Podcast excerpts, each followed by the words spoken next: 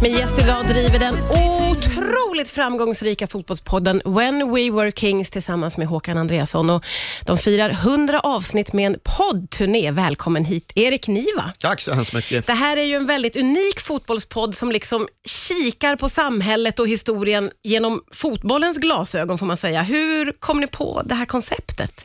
Det var ärligt talat Håkan, då, min parhäst, som verkligen ville att vi skulle göra någonting i poddmediet. Och sen satt vi och bollade idéer fram och tillbaka. Så jag är uppriktigt sagt ganska kräsen. Jag hade väl själv känt att strategiskt så vore det vettigt med en podd, men under flera års tid hade jag inte hittat en tillräckligt bra idé tyckte jag. Och nu presenterar Håkan ungefär det koncept vi har nu, att vi kikar på en historisk fotbollsklubb, en specifik säsong, går igenom vad den kan ha betytt och vad den kan säga om en plats och en kultur och människorna som bor där. Och jag tyckte att idén lät lite sisådär. Men, Gjorde du det? Ja, ja. Två plus som vi säger på kvällstidningsspråk. Okej. Men okej då, vi kan väl testa för att det är du och för att det onekligen är dags att försöka sig på en podd. Ja. Och i den ganska anspråkslösa änden så började vi. Men när upptäckte du att, att det här var någonting, att det var en jädra bra idé helt enkelt? Nästan omedelbart faktiskt, för redan de första avsnitten tog fart och väckte entusiasm och jag insåg att här finns det någonting att utveckla vidare. Men från början så var vi ju helt nya och det innebar ju att allt som de i branschen sa åt oss trodde vi på. Ni ska inte göra avsnitt som är speciellt mycket längre än en timme, det funkar bara inte. Men okej, visst gjorde vi och var lite missnöjda när det ändå blev 1.17 för det var ju för långt. Ja, ja. Och sen gjorde vi ett andra avsnitt och så blev det 1.22 eller någonting. Det var ju ännu mycket mer för långt, men det väckte ju inga negativa reaktioner. Tvärtom, liksom. vad bra att ni pratar till punkt och vad bra att historien får ta plats och får nå en ände. Så sen blev det 1.40 och fortfarande så var det ingen som klagade. Så blev det två timmar och de blev bara gladare och gladare där ute. Och nu sitter vi och pratar om Togos eller Zambias landslag i sådär fyra timmar och får faktiskt alltjämt fler och fler med oss. ja. Vad, vad tänker du om det då? Jag tänker att det är en välsignelse att ha insett att den berättande journalistiken alltjämt har kraft. För det ska jag väl erkänna att jag tvivlar lite grann på som i första hand skrivande människa, skrivande journalist.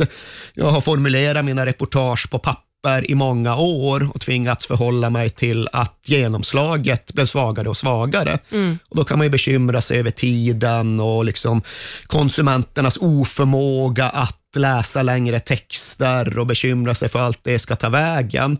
Och allt det gjorde jag ju tills jag insåg att aha, de har bara flyttat från det skrivna ordet till det talade ordet. Det funkar alldeles förträffligt att berätta en historia, både utförligt och detaljerat och ganska anspråksfullt.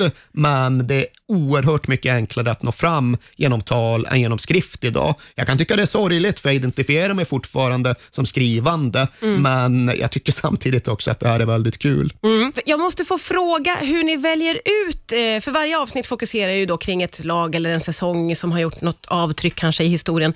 Hur väljer ni vad ni ska prata om i varje avsnitt? Vi har någon form av idé om en mix som innebär att ifall du tar en månad så ska vi ha ett avsnitt om ett lite större internationellt klubblag, ett avsnitt om något som berör Sverige, ett avsnitt om något väldigt undanskymt och obskyrt och ett avsnitt om en enskild spelare Ja. som vi har börjat med det senaste året. Ja, just det. Så där någonstans ligger själva mixen och sen utgår historieurvalet i hög utsträckning från faktumet att jag har ägnat 15 år åt att resa runt i fotbollsvärlden och besöka väldigt många platser. Så jag har ofta en ganska god idé om var vi kan börja gräva.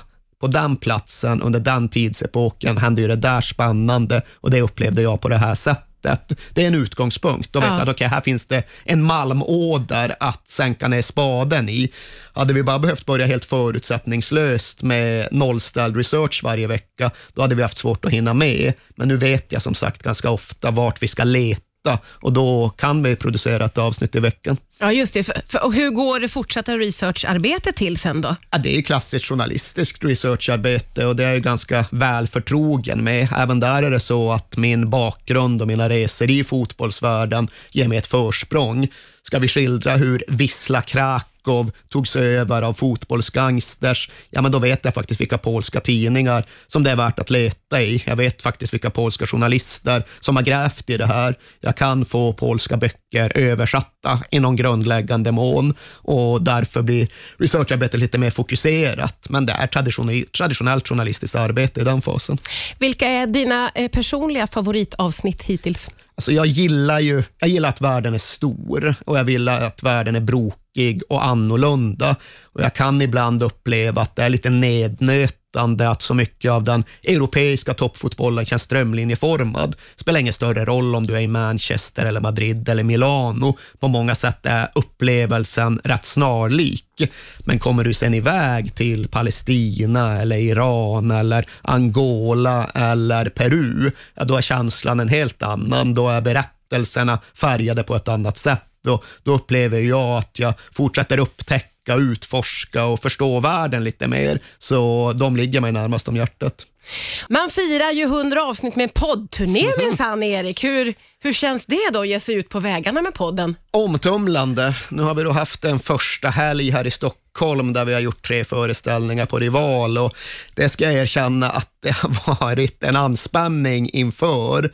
Vi har inte riktigt haft ett begrepp om vad vi har sysslat med och därför har vi inte riktigt vetat hur väl det skulle landa, hur det skulle gå. Men så här långt allt väl. Det finns ju både något förtjusande och något, ganska, för, något man kan förfasa sig över i det här med livepublik. Ja. Det känns ju mer i kroppen att stå i ett rum inför 800 personer än det gör att prata bakom en tv-kamera som når ut till 800 000.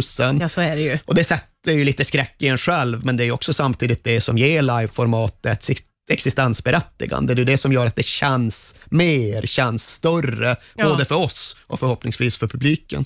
Men eh, du var ju väldigt nervös när du gick in i det här, då, men nu har du gjort några föreställningar. Hur känns det i kroppen nu då? Ja, mycket, mycket lugnare. Det gick ju faktiskt. Eh, vi tyckte att det var roligt, publiken verkade tycka att det var roligt. Vi upplevde själva, och vi är ganska självkritiska, att det höll och det funkade. Och det är ju en föreställning i högre utsträckning än bara en livepodd. Det är inte enbart vi som sitter och mässar gamla fotbollsanekdoter, utan vi har även med oss fantastiska musiker, vi har en visuell dimension, publikinteraktionen tillför absolut någonting. Så det funkar och det är en skön känsla att ha. Ja. Eh, temat för den här turnén är U21-EM 2015. Hur, hur kom ni fram till det? Jag bevakade den turneringen på plats nere i Tjeckien, den här turneringen som Sverige mirakulöst faktiskt gick och vann. Och jag är ganska fast i min övertygelse att det är den mest medryckande blågula fotbollshistoria vi har haft de senaste 15 åren.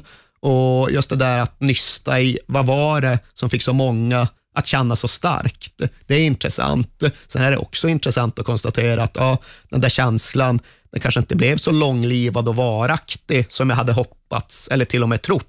Den klingade av ganska snabbt och idag ser vi tillbaka på det där dansandet i Kungsträdgården och nästan undrar, hände det verkligen? Eller var det, bara, var det bara något vi inbillade oss, någon sorts historisk hägring? Du, eh, vad har ni för kontakt med lyssnarna till podden? Oerhört intensiv kontakt. Även det är en skillnad på hur jag upplevt det tidigare. För jobbar man, skriver man på en kvällstidning, då får man veta att det kan vara drag i en mailbox. Det ska jag inte säga något om, men med det sagt så är ändå det här några nivåer upp. Det är någonting med det här direkta berättandet berättandet som gör att lyssnaren får en stark relation till oss som pratar. De upplever att eh, ja, men de är våra bekanta, nästan till våra kompisar och de hör av sig därefter och det är såklart jättekul. Ja. Ja, podden den heter ju When We Were Kings och eh, turnén den är igång. Tack snälla Erik Niva för att du kom till Rix FM idag. Stort tack.